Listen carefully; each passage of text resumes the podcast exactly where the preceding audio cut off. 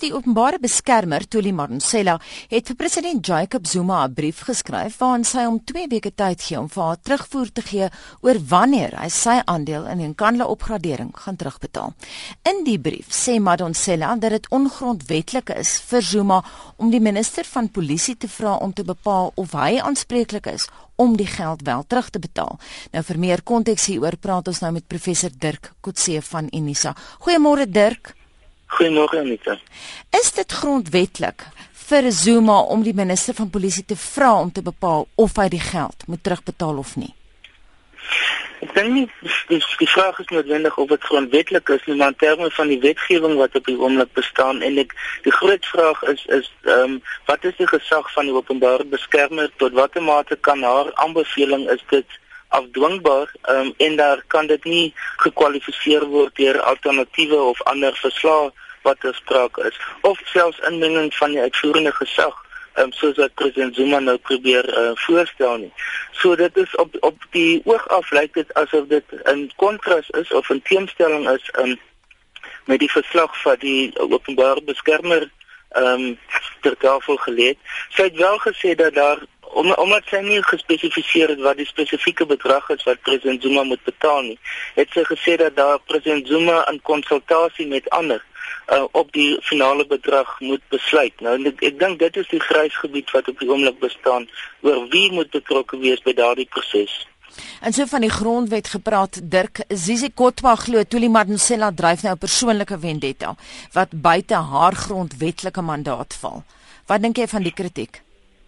Ja, dit is beide risiko's en nou ook die die hoofsweep van die ANC in die, in die parlement ehm um, Stan Suzani het nou gesê dat sy buite die uh die beperkings van die die wet op die die etiese wet vir uitvoerende lede dat sy daarby te optree en dat dit eintlik die situasie nou in die hande van die parlement moet wees waarby sy volgens hulle nie betrokke kan raak nie. Hmm. So dink dit gaan nou in 'n groot mate ook oor 'n interpretasie van watter wetgewing is relevant vir hierdie situasie.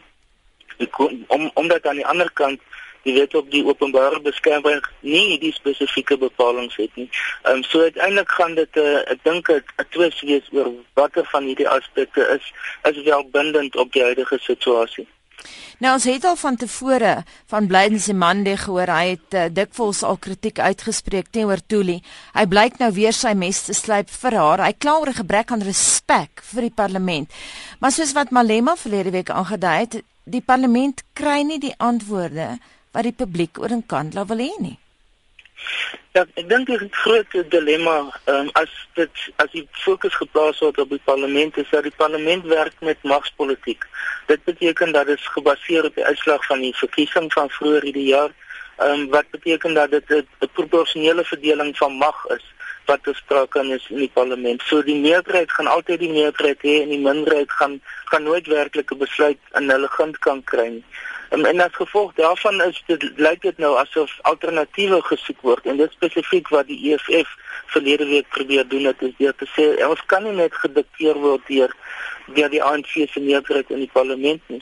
En ek dink tot 'n mate dit is ook wat Tulim Wadonsela as openbaar beskermer in gedagte het is om te sê dit kan nie alleen in die hande van die ANC se magsverhouding gelaat word in die interne magsverspreiding daar nie. Dit is 'n aspek wat morele of etiese as wat etiese implikasies het en president Zuma moet daarop reageer en nie bloot skuil agter die die magsposisie van die ANC binne die parlement nie. Dirk vir my baie interessant. Zuma het nie na Tuli verwys in sy verslag aan die parlement oor in Kandla nie. Wat gaan hier aan? Is daar 'n soort van spel wat nou gespeel word?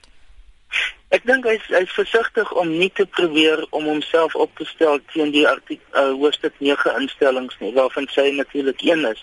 En uh, wat dit sal beteken dat dit neerkom op die 'n magstryd tussen twee konstitusionele instellings aan die kantoor van die president aan die een kant teenoor die openbare beskermer aan die ander kant.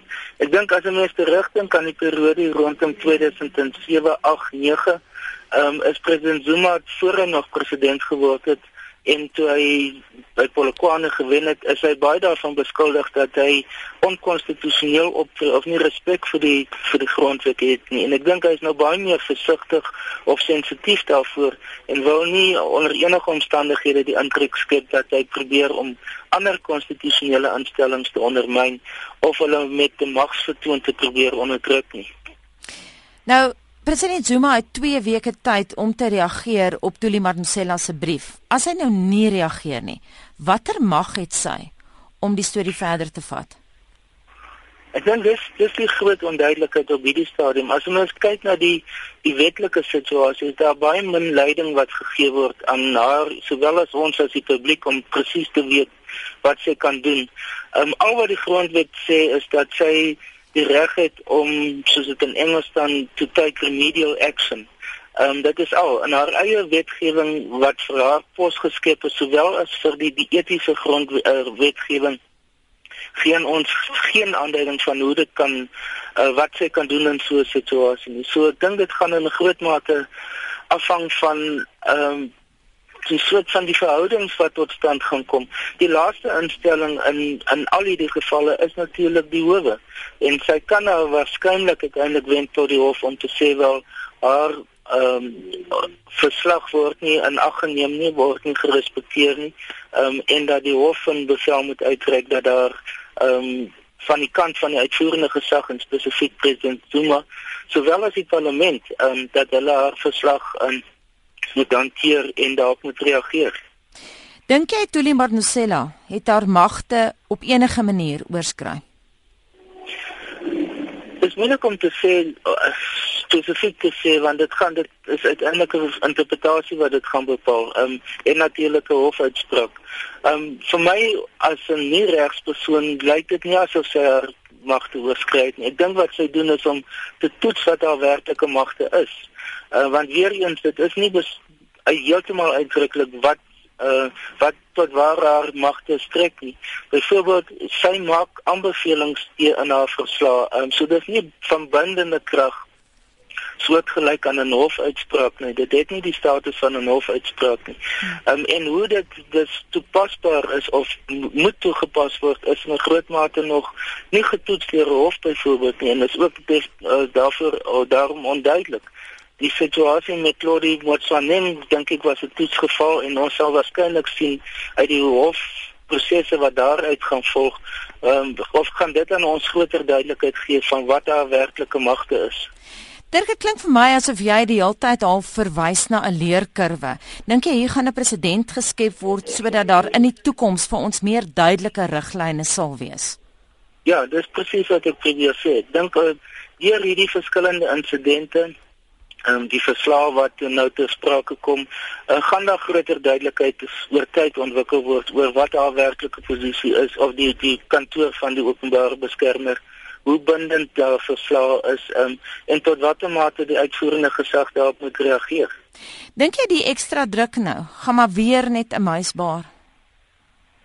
Nee, ek dink dit ons is in 'n relatief nuwe situasie. Um, in die verlede was dit so dat die die uitvoerende gesag en die president kon as gevolg van die magtige posisie van die ANC kon in 'n groot mate hulle besluite geneem het en dit geplooi het na wat vir hulle moontlik was of nie moontlik was nie. Maar die optrede van die EFF verlede week, ehm um, die feit dat daar definitief ehm um, 'n sentiment in die in die openbaar is onder die samelewing in die algemeen wat groter druk op president Zuma plaas. Daar's ek wil amper sê daar's 'n mate van 'n konsensus wat besig is om daaroor te ontwikkel. Beteken dat dit nie meer so maklik gaan wees nie. Die ANC het ook gesien met die afgelope verkiesing dat daar mense bereid is om nou daarop te reageer. Ehm um, byvoorbeeld die uitslag in Gauteng word definitief geïnterpreteer as 'n reaksie op die regering se optrede byvoorbeeld die etoostelsel um, en ander aspekte. So dink die regering begin besef dat hulle nie meer in dieselfde situasie as vroeër is op mense se steun omtrent outomaties kan staat maak nie. Um, en dat hulle baie meer versigtig moet wees hoe hulle vorentoe gaan optree. Miskien ook interessant om hier by te voeg, David Makura het met as een keer gesê dat tydens die afgelope verkiesing het hy ontsettend baie vrae gekry oor Nkandla. Ja, ek ek dink die as 'n mens byvoorbeeld teruggaan na einde verlede jaar president Mandela se begrafnis, die boere wat daar plaasgevind het by die FNB stadion.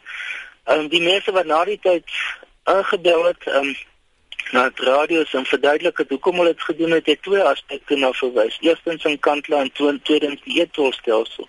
Ehm um, en ek dink dit is die ANC begin besef en veral die ANC in Gauteng, ehm um, dat dit hulle moet baie meer sensitief begin word vir hierdie ehm um, uh, beleidsaspekte. Dit is nie meer gaan oor historiese loyaliteit teenoor die ANC wat anders staan is. Baie dankie en so sê professor Dirk Kotse van Unisa.